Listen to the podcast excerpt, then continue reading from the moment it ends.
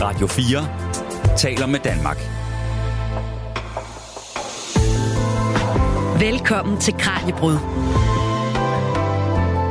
Klokken i den danske kirke, det er Sagas klingre skjold.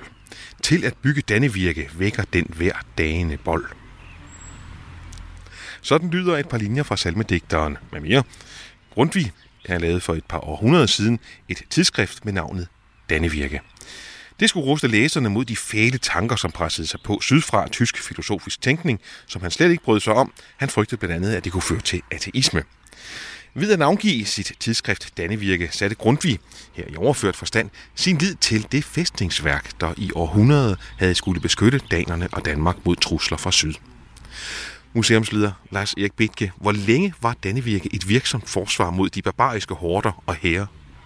Dannevirke er blevet bygget øh, omkring år 450-500 og har sidst været brugt i krigen øh, 1864, øh, så faktisk har det været i brug i næsten halvanden tusind år.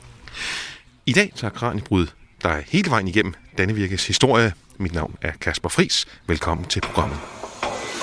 Du lytter til Radio 4. Kranjebrud er på sommerturné i Sønderjylland i denne uge. Vi besøger museer, der fortæller om væsentlige bidrag til den danske historie, både militærhistorie, industrihistorie og kunsthistorie, og som har været med til at forme det land, vi kender i dag. Dagens stop er gjort nær Slesvig, lige godt 30 km syd for Danmarks eneste landegrænse. Sydvest for Slesvig ligger en mindre by med navnet Danneværk. Det tyske navn for det forsvarsværk, vi skal beskæftige os med i dag. Lars Erik Bitke er museumsleder ved Dannevirke Museum. Velkommen til Kranje. Jo, tak. I bryster jeg af at være museum for Nordens største fortidsminde. Hvor stort er det så? Dannevirke er, et anlæg, øh, som er blevet udvidet øh, op, op igennem mange århundreder, så vi til sidst øh, står med et anlæg, som er cirka 30 km langt i dag. Og hvor bredt? Ja, det afhænger lidt af, hvilken, hvilken fase vi taler om, men altså de bredeste anlæg i Dannevirke, de har nok været en, en, en 150 meter brede, så det har været meget store anlæg. Vi skal igennem flere af de her tilbageværende dele i dagens Kranjebrud.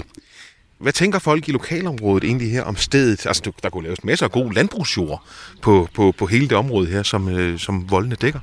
Jamen, det er der sikkert mange, der har overvejet hen over tiden, og vi har faktisk også haft problemer langt øh, op i de 20. århundrede med, med bønder, som brugte den her vold som landbrugsjord.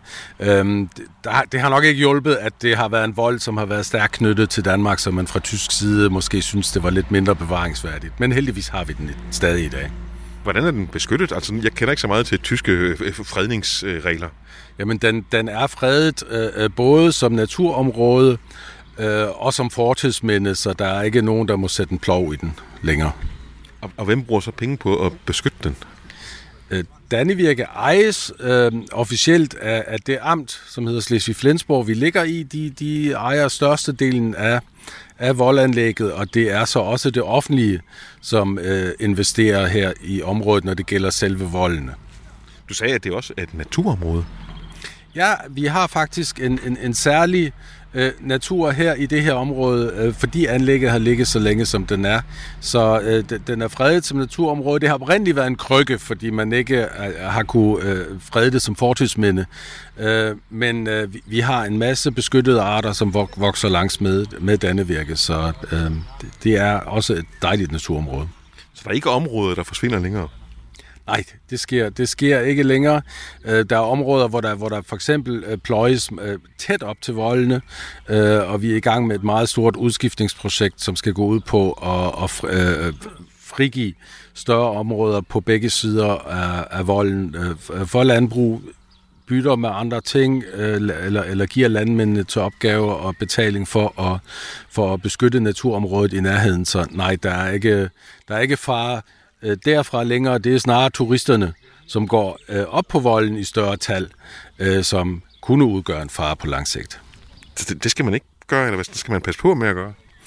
Øhm, mange af vores gæster, de, de, øhm, de klatrer lige op på Dannevirke, når de kommer. Og det, det, især de ældre har også oplevet det i deres skoletid. Men øh, vi øh, har både her ved Dannevirke, men især i Hedeby så mange turister, så øh, det, det kan voldene ikke klare. Vi er faktisk i gang med at udvikle et koncept, der går ud på, at der bliver lagt stålgange på volden, så man får mulighed for at gå derop. Men lige nu er det ikke tilladt at klatre rundt på voldene.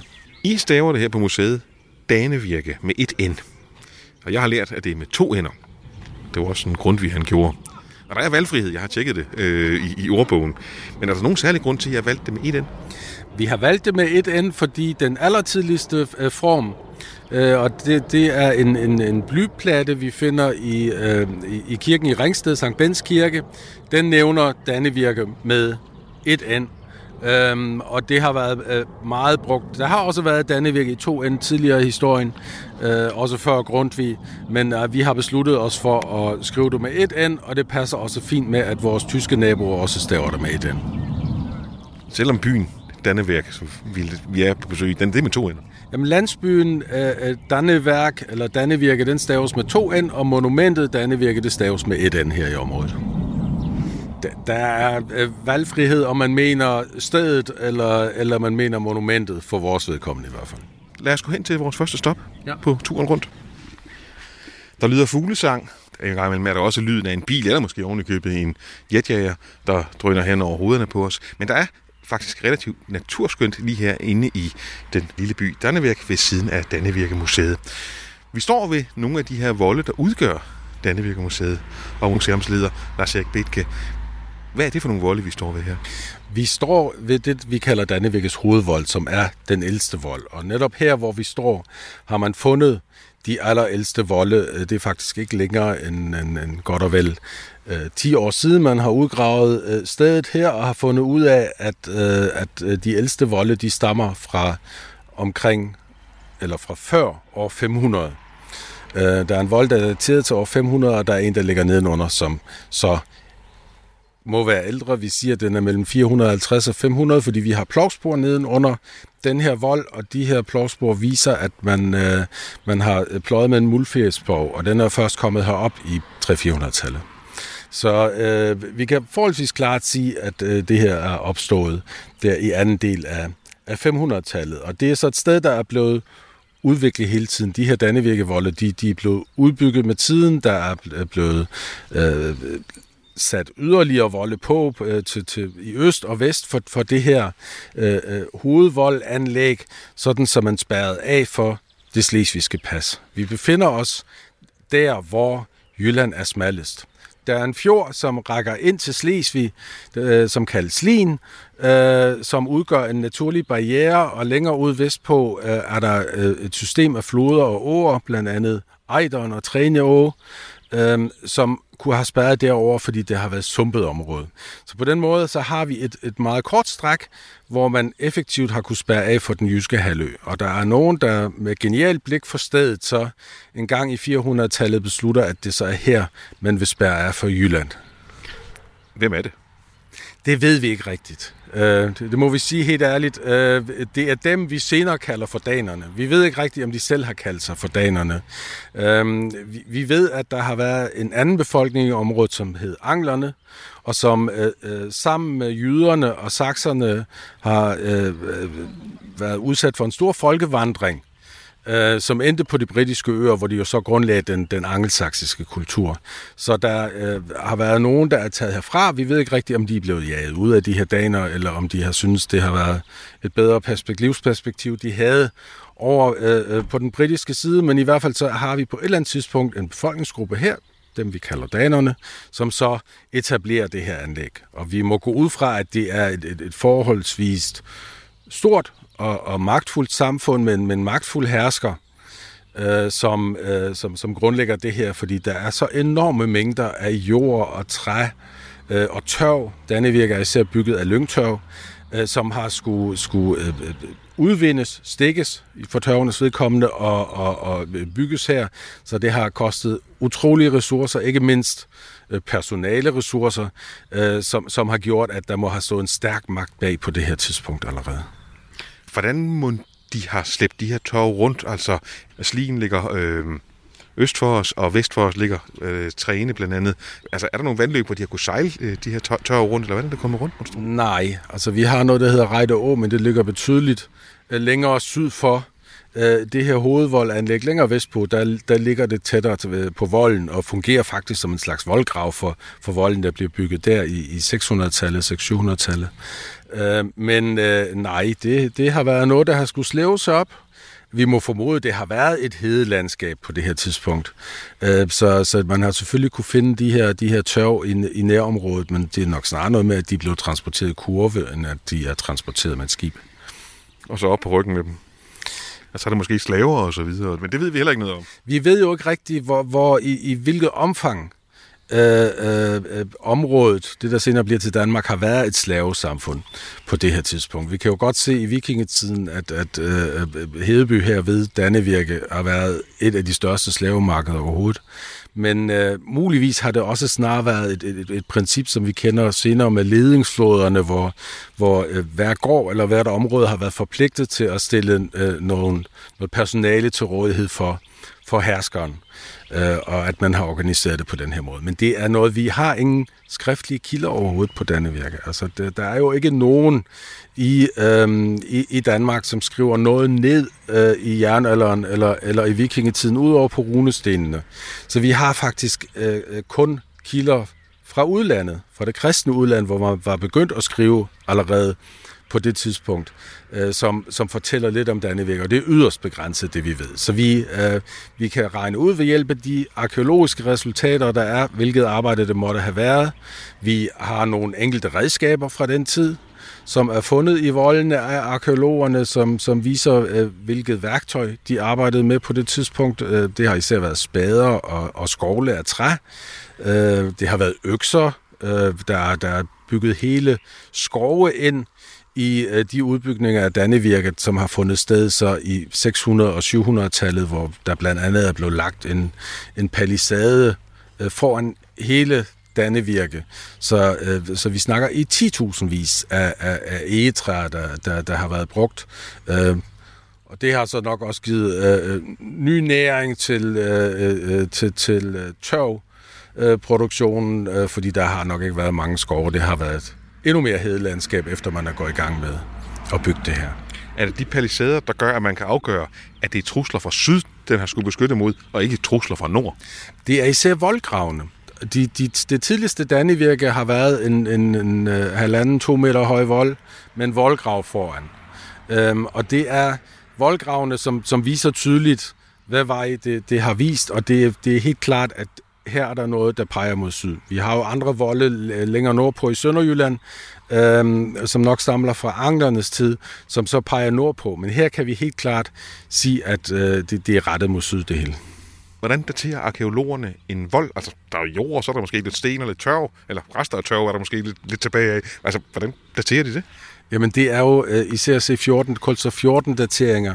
Øh, vi har og ved den her næstældste vold har vi så været så heldige, at, øh, at der har været bevaret øh, lyngtørv med rødder, fordi det netop er, er bygget af tørv, så man så har kunne kulstofdatere, øh, og det er netop det problem, vi så har med den ældste vold, at den hovedsageligt består af jord, og jord kan man altså ikke datere på nogen måde. Så vi har brug for noget organisk materiale. Det har vi så også med, med træet. Der kan man også kigge på årringe.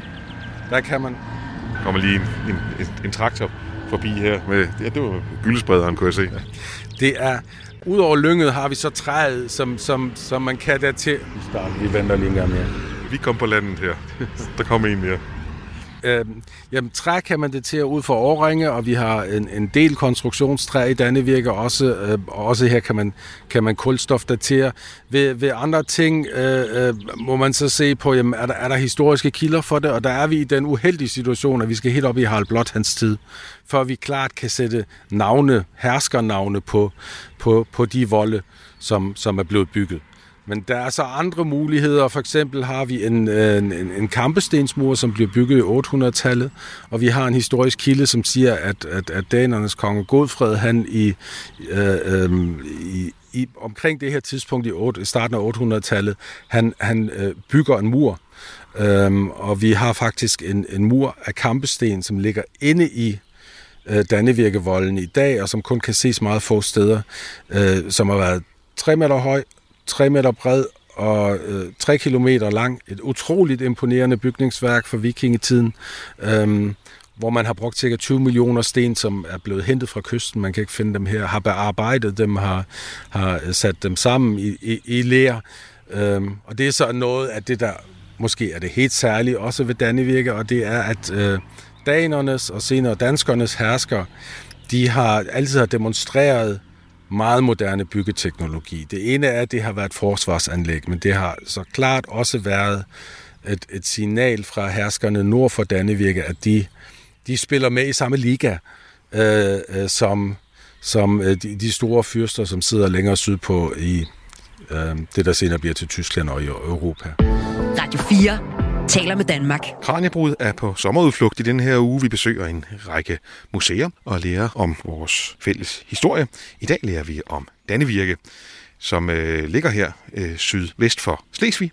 Det her forsvarsanlæg, det står vi så lige ved nu her, museumsleder Lars Erik Bethke fra Dannevirke Museum og jeg. Og vi har hørt, at den er allerede etableret i 500-tallet, oven i købet lidt før, og så bliver der bygget videre med øh, imponerende kampestensmure i vikingetiden. Og her, hvor vi står lige nu, Lars Erik Bethke, der har de været lidt dogne, for der er simpelthen hul i volden. Vi står ved porten til Norden. Det er det sted, hvor hervejen, som jo går fra, fra Viborg i Jylland og så ned til Hamburg-området, den øh, har ramt Dannevirke. Vi kan ud fra øh, de videnskabelige resultater, arkeologerne har produceret, se, at den har været brugt øh, i hvert fald fra øh, starten af 600-tallet og så helt op til midten af 1100-tallet, eller omkring år 1200 endda. Porten her. Porten har været brugt, eller portåbningen har været brugt på det tidspunkt. Hvordan porten har set ud, det ved vi desværre ikke længere. Det øh, rækker de, de arkeologiske levn ikke til. Men øh, vi, vi har nogle vognspor, som ligger cirka halvanden meter under øh, vores fødder lige nu, øh, hvor der er en vej, der simpelthen har fræset sig ind i landskabet, fordi der har været så meget trafik her, og som, øh, som blandt andet så har spor fra vikingetiden. Muligvis er, er den endnu ældre. Vi ved, at, øh, at øh, hervejen den har allerede har eksisteret i bronzealderen. Det har vi lige fået bekræftet forleden af helt nye tyske forskningsresultater. Så øh, der er en vis chance for, at det her sted det allerede øh, har været det sted, man ramte Dannevirke, da man begyndte at bygge Dannevirke. Har der kun været det ene hul i den her det her 30 km lange forsvarsværk? Og ifølge øh, de frankiske kilder, vi har her til området, øh, som stammer fra starten af 800-tallet, så skulle det Dannevirke kong Godfred bygget øh, have en port, hvor øh, rytter kunne øh, udsendes og vogne kunne kunne passere øh, forsvarsværket. Så øh, vi må gå ud fra, at det i hvert fald i et, i et tidsrum har været den eneste port. Vi kan ikke sige med, nøj, med, med nøjagtighed, om der ikke har været andre porte senere, måske også været andre porte parallelt.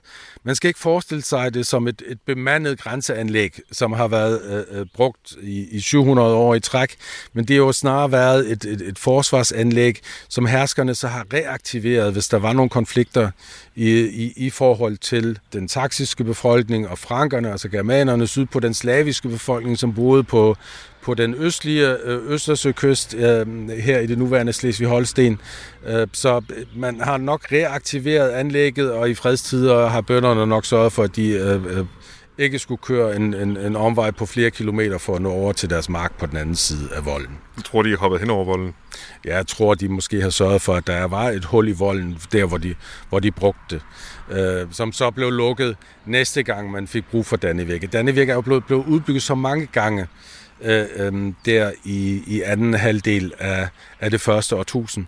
Så, øh, og, og det har hver gang været en, en, en modernisering, som har ført til at man har udvidet anlægget. Det, det er nok ikke øh, bare lige blevet signet op, men så har øh, den næste hersker markeret sig ved at, ved at udbygge det her forsvarsanlæg, og så senere ved at bygge mure om foran øh, øh, de, de oprindelige volde. Så det er, det er noget, der er, der er sket mange gange. Vi kan ikke rigtig se, hvor mange gange, men, men talrige gange i løbet af, af det her øh, tidsrum fra 500 til, til år 1000. Ved vi, om det så har været i brug som forsvarsanlæg i de 500 år, du taler om? Det er jo så det, vi kan se af kilderne, at der blandt andet har været angreb Øh, øh, på, på Dannevirke, øh, blandt andet i 900-tallet, hvor, øh, hvor de østfrankiske herskere, det er dem, der senere blev til tyskerne, de, øh, de angreb Hedeby og prøvede på at vinde kontrollen over Hedeby, som jo ligger i forlængelse og i, i sammenhæng med Dannevirke. Hedeby har været det vigtigste handelscenter overhovedet i hele Nordeuropa i vikingetiden. Øhm, så, så det har selvfølgelig været noget, man har, man har øh, gerne ville have haft kontrol over. I den sammenhæng ved vi blandt andet, der har fundet øh, der har fundet kampested her. Det, det er der i hvert fald nogle kilder, der beretter om. Men øh, også her er vidnesbyrd forholdsvis tyndt. Øhm, det har noget at gøre med, at Dannevirke så er blevet udbygget øh, som, som helt op i 1800-tallet, som gør, at øh, man ikke finder de store slagmarker eller andet lige her ved Dannevirke. Øhm, der er også kendt andre kampe, der er kendt sydfra. Måske har Dannevirke også virket afskrækkende. Men vi har ikke den store arkeologi på kampene ved Dannevirke. Du nævnte lidt tidligere, at i vikingetid, der byggede de blandt andet en af de forbedringer, de så lavede det på det tidspunkt, det var nogle volde, der bestod af kampesten, 3 gange 3 meter, meget imponerende. Øhm, kan du vise mig dem? Altså, vi står jo her og kigger langt med volden. Vi det... kan så ikke se alle 30 km, vi kan så måske se ja, 100 meter. Kampestensmuren er vores øh, usynlige vold.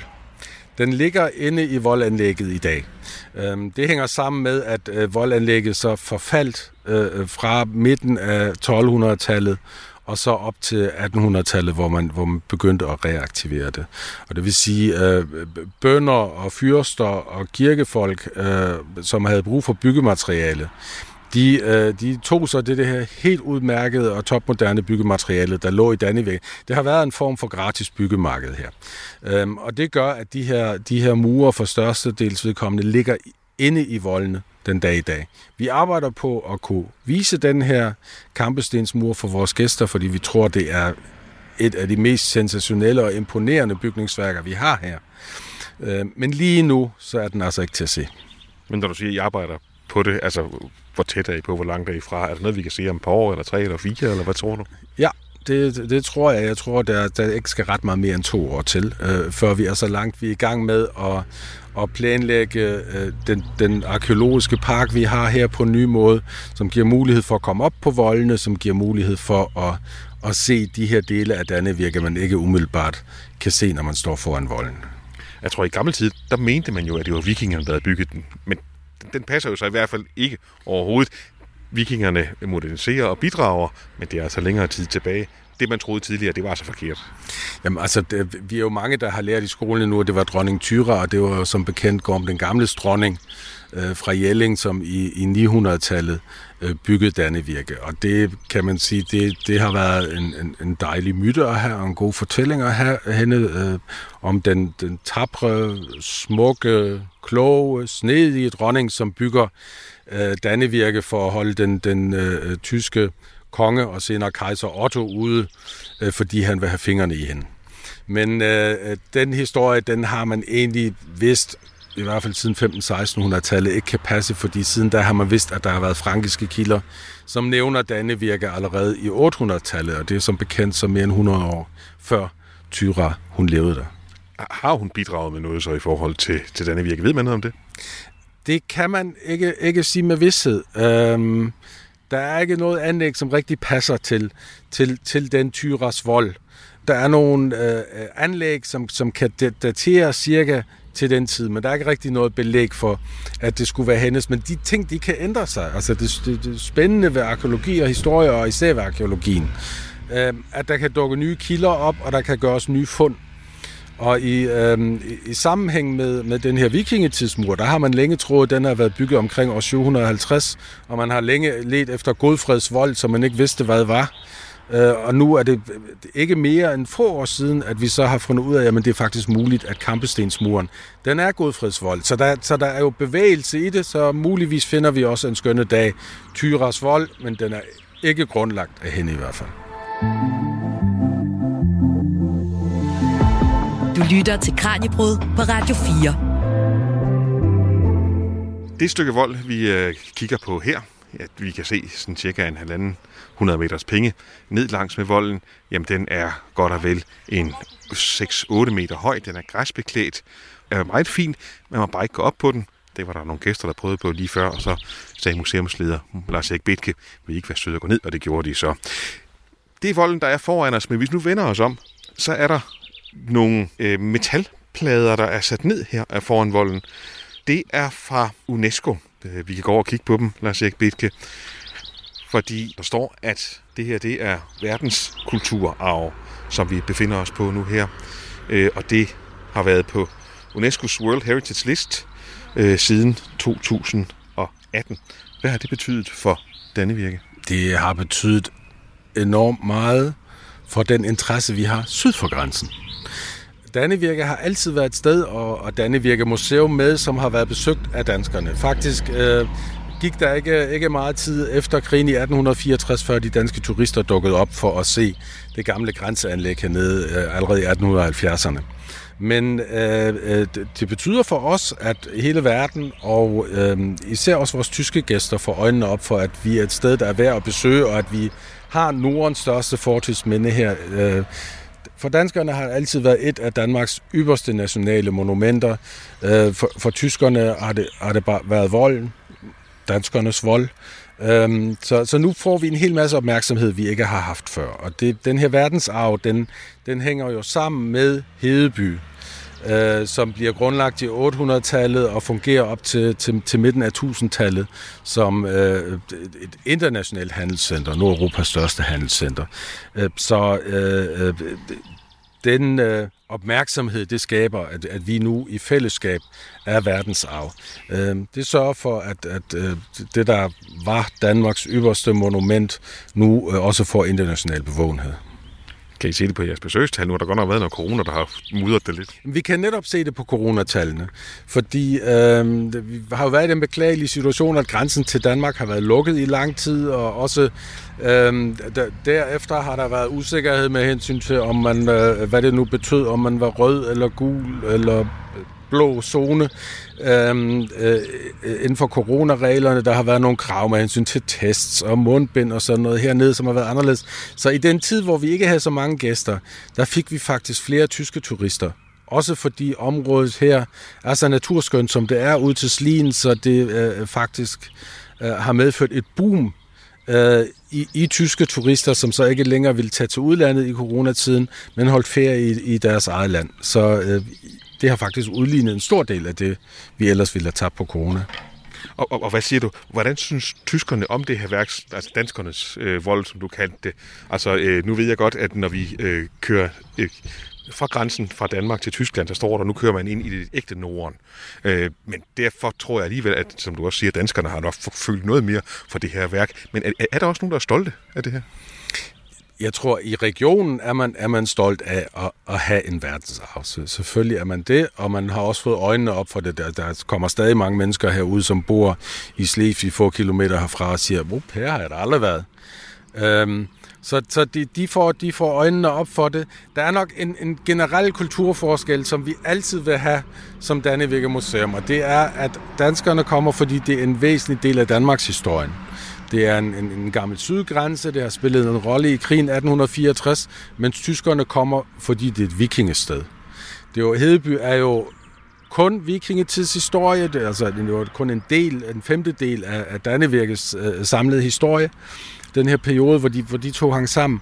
Og øh, øh, vikinger er noget, som trækker, det ved vi. Det ved vi også i Danmark, og øh, Netflix og Vikings osv. har altså sørget for, at interessen har været endnu større. Og tyskerne får øjnene op for, jamen ups, vi har jo et vikingested mere, øh, ud over Hedeby, som, som de så øh, valgfarter til fra alle steder af Tyskland. Øh, og, og så kommer de her ud for at se det største bygningsværk fra vikingetiden, og det er Dannevirke.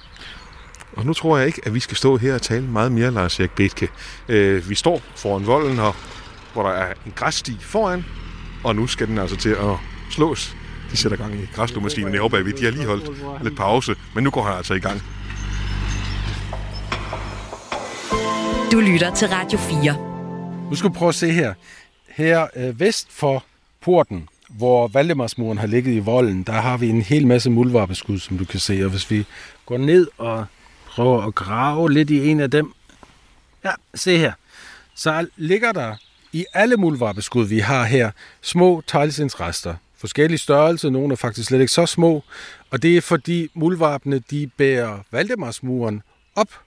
Og øh, der, der er den interessante detalje ved det, at arkeologerne faktisk har gjort brug af de her muldvarpe i deres forskning på et, på et meget tidligt tidspunkt, end, øh, end øh, før der kom noget med scans og, og alt det digitale. Øh, ved hjælp af muldvarpeskuddene har man præcis kunne finde ud af, hvor Valdemarsmuren den startede og hvor den holdt op igen. Så Valdemarsmurens længde, den er blevet beregnet ved hjælp af muldvarpe. Vi er på besøg ved Dannevirke sammen med museumsleder Lars Erik Bitke. Det var ham, der lige gravede i muldvarpeskuddet.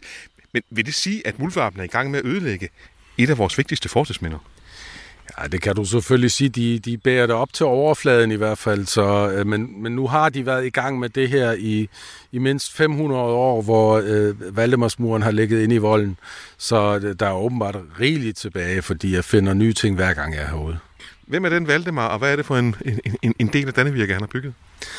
Valdemarsmuren er bygget af Valdemar den Store Øhm, øh, som jeg overtog øh, magten i Danmark i midten af 1100-tallet øh, og fik øh, oprettet en, en række borge i Danmark. En, en del af de, de borge, vi kender øh, i, i dag i Danmark, det er jo nogen Valdemar og hans øh, efterfølgende Valdemar har, øh, har bygget.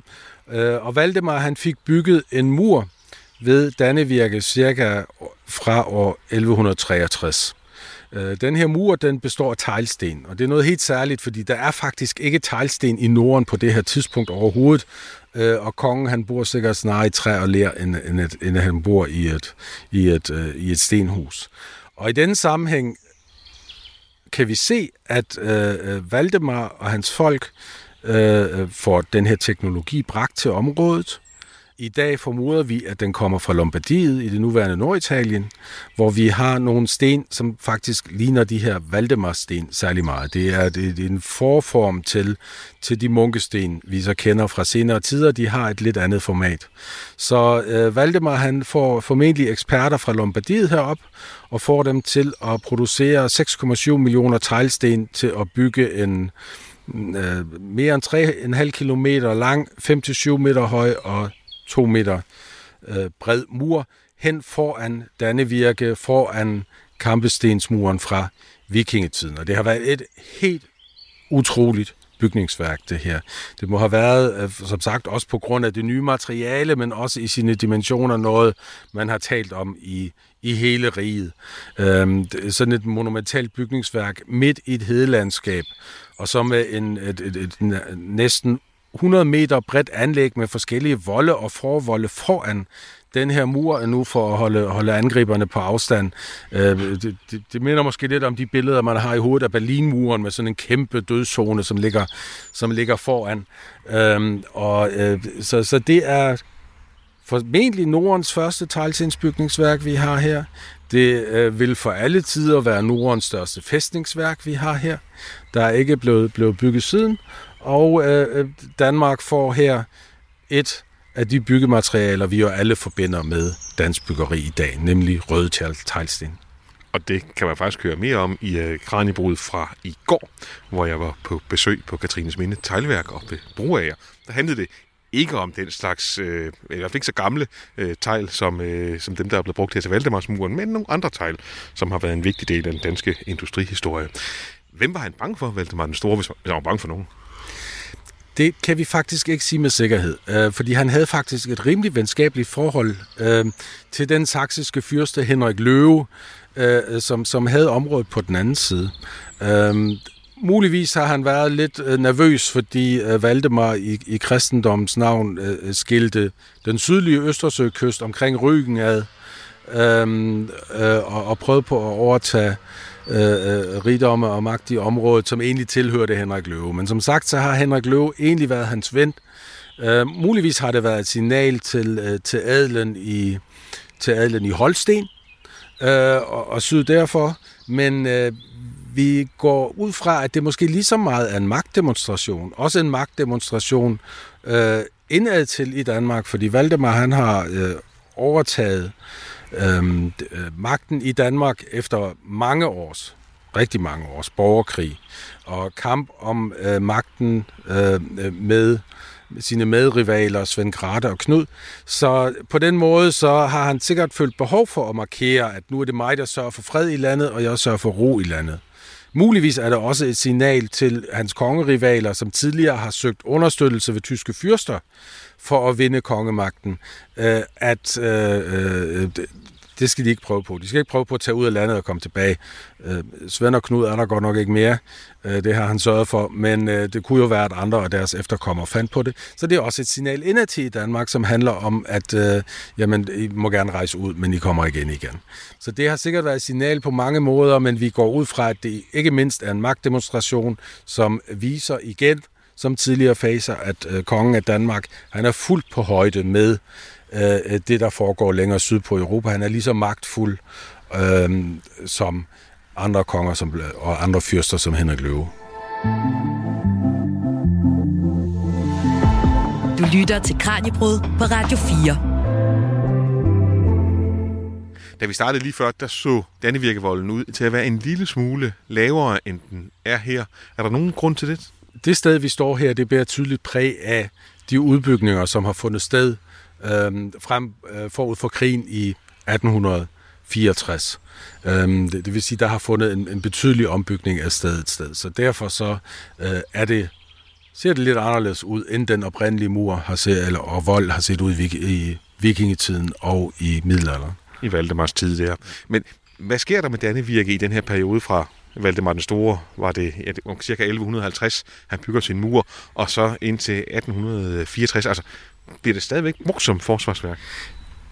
Det bliver ikke brugt særlig længe som forsvarsværk i virkeligheden, så øh, Dannevirke ender faktisk forholdsvis hurtigt som en ruin, og det hænger sammen med, at øh, øh, den danske kongemagt i midten af 1200-tallet mister grebet om området, øh, øh, i hvert fald militært set. Øh, hertugerne øh, på Godop Slot i Slesvig, hertugerne over hertugdømmet Slesvig, øh, allierer sig med øh, øhm, med, med, de, med de tyske fyrster i, i området Holsten, og, og kan på den måde øh, øh danne en så stærkt modvægt til, til den danske kongemagt, at de får den fortrængt. Og der finder flere øh, øh kampe sted i 1200-tallet, hvor, hvor, hvor skiftende øh, danske regenter prøver at genvinde kontrollen over det her område, men, men det lykkes faktisk ikke, og det ender så med, at, at kongen til sidst trækker sig tilbage øh, øh, nord for hertugdømmet Slesvig til Kolding og bygger Koldinghus, som også er et meget mere moderne forsvar end, end, end, end en 4 km lang mur.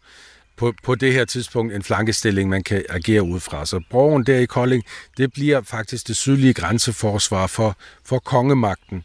Og øh, det betyder, at øh, det her forsvarsanlæg, som ligger midt i hertugdømmet Slesvig, det ikke har den store funktion for de fyrster, der kontrollerer området her længere. Så de lader det forfalde.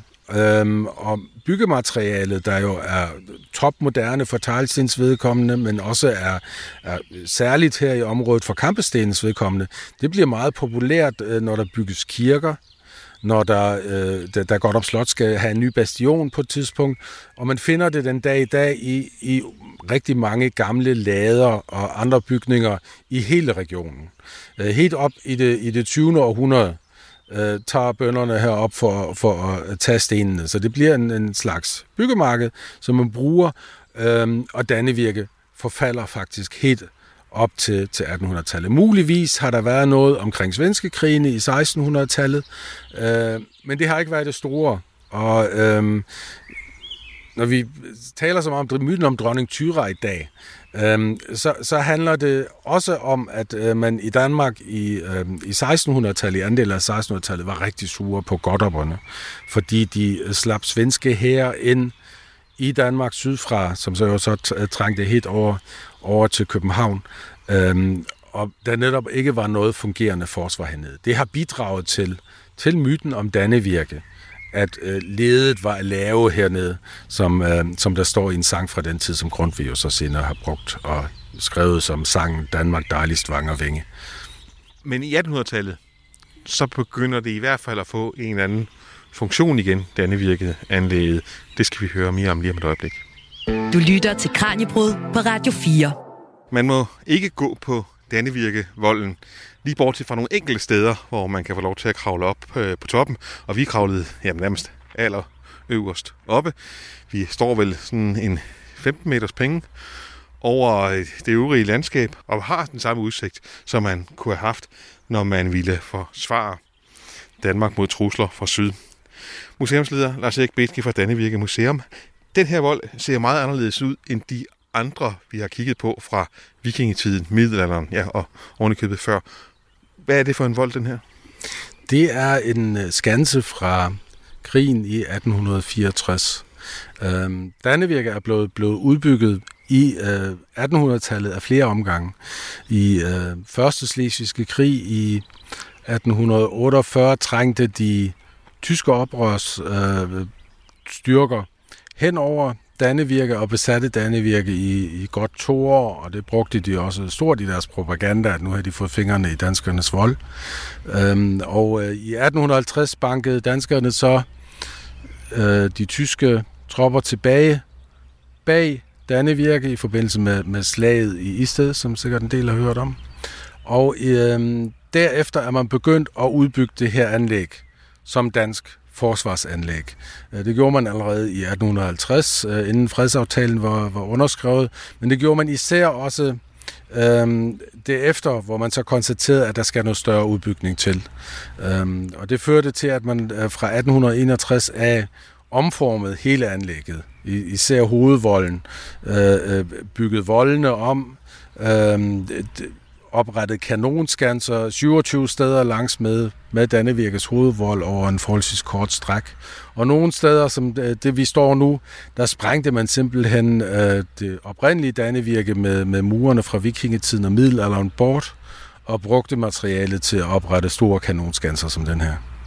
Øhm, så Dannevirke, som havde været lidt uvirksomt i godt, godt og vel 700 år, får lige pludselig en værdi, selvom våbenteknologien er en helt andet med kanoner og pistoler og geværer og så videre.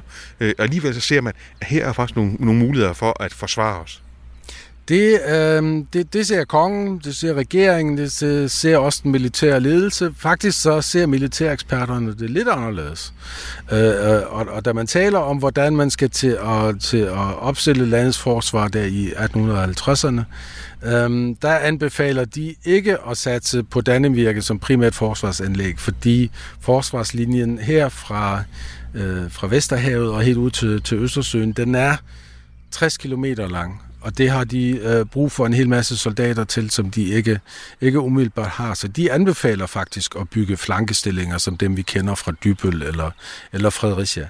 Men øh, det, det er ikke mindst myten om dronning Tyras vold, øh, som, som, som Grundtvig jo øh, grundigt bidrager til at udbrede der i 1800-tallet. Den fører til, at, øh, at man så beslutter sig for, nej, det skal være den historiske grænse fra vikingetiden, som man troede dengang, som, øh, som skal være stedet, hvor man, hvor man møder tyskerne. Så der er også en eller anden form for nationalromantik omkring det?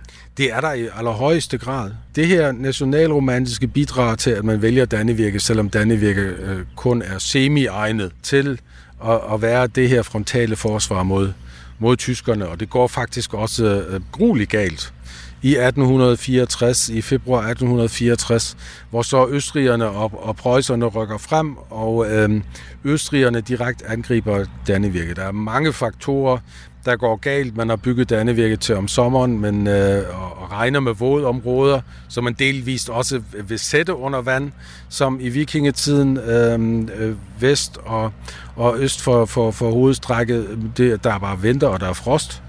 Øh, så de her områder, de, øh, de, de fryser til, at øh, man prøver godt nok at hakke dem fri hele tiden, men det går ikke godt i det lange løb. Der er 35.000 soldater i området, i stedet for de 60.000, man havde brug for til at forsvare den lange forsvarslinje. Der er for lidt forsyninger til dem, der er ikke blevet leveret våben nok til at besætte skanserne med, med, med det øh, artilleri, der var brug for. Så på den måde, så går det bare galt. Så der, efter få dage, så beslutter den danske øverstkommanderende at trække sig øh, til Flensborg og derfra til Fredericia og, og Dybøl. Altså, hvor slås de henne her? Øh, det, er det her omkring? Nu står vi jo så på en relativt begrænset del af de her øh, mange kilometers vold. Der er noget her. Der er nogle øh, øh, fægtninger her i, i, i, i landskabet foran øh, Skanse 14, hvor vi står, men det meste det foregår længere øst på. Østrigerne har held med at overtage en strategisk vigtig høj syd for Slesvig øh, og oprette noget artilleri der, så de kanonskanser, der ligger øst for her, de kan rammes direkte af, af østrisk artilleri. Men der er en, en, en del øh, lidt her i området, men øh, det, det kommer faktisk ikke så langt. Man rømmer skanserne i øh, nattens mulm og mørke, før østrigerne for alvor når frem her. Har det ikke gjort meget ondt for den danske folkesjæl, som blandt andet blev næret af Grundtvig, at vi nu mistede Dannevirke, vores forsvarsfolk? Jo, i allerhøjeste grad, og der har jo øh, også været flere øh, øh tiltag i løbet af historien på at genvinde øh, området. Øh, her ved Dannevirke og øh, i, i det hele taget øh, øh, syd for den nuværende dansk-tyske grænse. Der har i 1920 været et forsøg på, da folkeafstemningen blev besluttet øh, efter, efter dansk pres i, i området, at øh, afstemningszonerne skulle række helt herned. Det, det var meget urealistisk, og de danske sønderjyder kunne godt se, at der ikke var meget dansktalende befolkning og dansk befolkning hernede i området længere. Øh, så det blev ikke til noget, men der blev gjort skarpe forsøg på og der blev interveneret i fredsforhandlingerne for at, for at få Dannevirke som, som ny grænse. Og også efter 2. verdenskrig har der været bestræbelser på øhm, at få øh, grænsen flyttet herned. Så det er, det er noget, øh, man har holdt fast i i lang tid, øhm, og som har virket i lang tid, øh, og som gør, at gæsterne kommer her den dag i dag fra Danmark for, for at se øh, Dannevirke og, og opleve den gamle sydgrænse. Det er nok de færreste, som i dag øh, ligefrem øh, øh, ruller et banner ud og, og kræver, at området kommer tilbage til øh, Danmark. Vi har fundet en anden måde at takle det her i grænselandet på. I dag kan vi være danske her syd for grænsen med vores egen sprog og kultur, uden at, at grænsen skal flyttes igen. Det er så en af de succesfortællinger. Øh, vi kan fortælle, vi er fælles med tyskerne om, øh, Øh, og, øh, og pleje den her verdensarv. De inddrager øh, det danske mindretal, øh, øh, dansk videnskab øh, og, og danske myndigheder i alt, der har med Dannevirke at gøre. Udgravningerne, som finder sted her i dag, er som regel både danske og tyske arkeologer, som graver, graver i fællesskab. Så vi har fundet en ny måde at håndtere den her fælles kulturarv på, som øh, ikke har betydet, at nogen fratager den anden noget. Radio 4 taler med Danmark. Dannevirke Museum er vi på besøg hos i dagens Kranjebrud, og Dannevirke Museum er faktisk lige i øjeblikket et hul i jorden. Og det er det altså rent bogstaveligt, fordi at der er ved at blive lavet et helt nyt museum i øjeblikket. Der er udstillingen så placeret i nogle pavilloner ved siden af, hvor det nye museum bliver bygget. Hvad er det for et museum, I skal have, museumsleder Lars Bitke? Vi har været så heldige, så AP Møllerfonden og Augustinusfonden har stillet penge til rådighed til at, til at bygge et øh, nyt, flot museum. Det bliver en, en, en træbygning med tegltag, som er bygget af Lundgaard og Trampe arkitekter fra København, og som giver os mulighed for at have 800 kvadratmeter permanent udstilling om Dannevirke her på stedet. Øh, hidtil har vi haft øh, lidt over 300, så det er helt fantastiske perspektiver, vi står overfor. Men lige nu ligner der altså ikke rigtig noget overhovedet. Det er et, et hul i jorden, og der ligger nogle, øh, nogle store kampesten derude øh, i, i hullet, og der er også nogle rør, men det er et stykke vej fra, fra målet. Det, der er foregået her indtil nu, det er, at der har fundet en arkeologisk udgravningssted her på stedet, fordi vi er et stenkast fra øh, porten i Dannevirke, så øh, der har selvfølgelig været behov for at kigge efter, hvad der, hvad der kunne gemme sig i jorden her.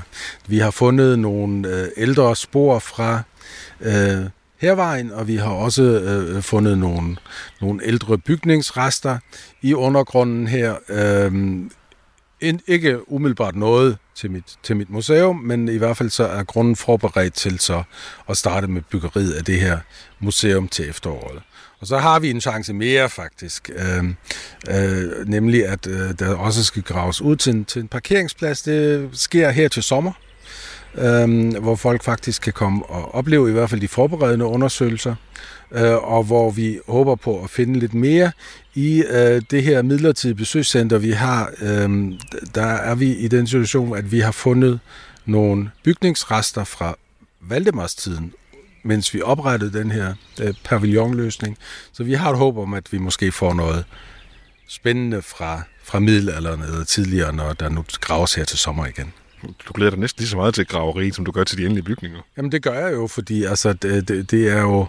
Øh, det, det, de finder, det kunne jo være noget til min, til min nye udstilling, som vi øh, så skal i gang med at, at arbejde med. Så selvfølgelig, hver udgravning her ved Dannevirke øh, bringer noget nyt. Øh, vi har haft en stor portudgravning øh, fra 2010 til 14, som øh, fuldstændig har fornyet vores viden om, øh, øh hvor gammel Dannevirke virkelig er. Vi er flyttet frem i jernalderen, hvor man troede, det var et vikingetidsanlæg tidligere. Øhm, og, og hver gang der er blevet gravet her i området, har der altid været noget nyt at tilføje til, til Dannevirkes historie, så derfor glæder jeg mig utrolig meget til alle de undersøgelser, der vil foregå her i de næste år. Dannevirke er gået på mange måder. Øh, men der ligger så utrolig meget undergrunden nu, øh, så enhver udgravning, den er en, en gave til os. Hvornår er det så meningen, at det nye museum skal stå, stå klar? Hvis øh, alt går efter planen, så øh, vil vi kunne åbne et nyt museum her i sommeren 2025. Nu har det jo med byggeri, at det kan, det kan trække lidt ud, men jeg er faktisk ret forhåbningsfuldt om, at vi i midten af 25 kan byde gæster velkommen til et fuldstændig fornyet formidlingscenter her på stedet med moderne faciliteter. Lars Erik Bethke, tusind tak, fordi vi har måttet komme på besøg på Dannevirke sammen med dig. Tak for besøg, og velkommen tilbage.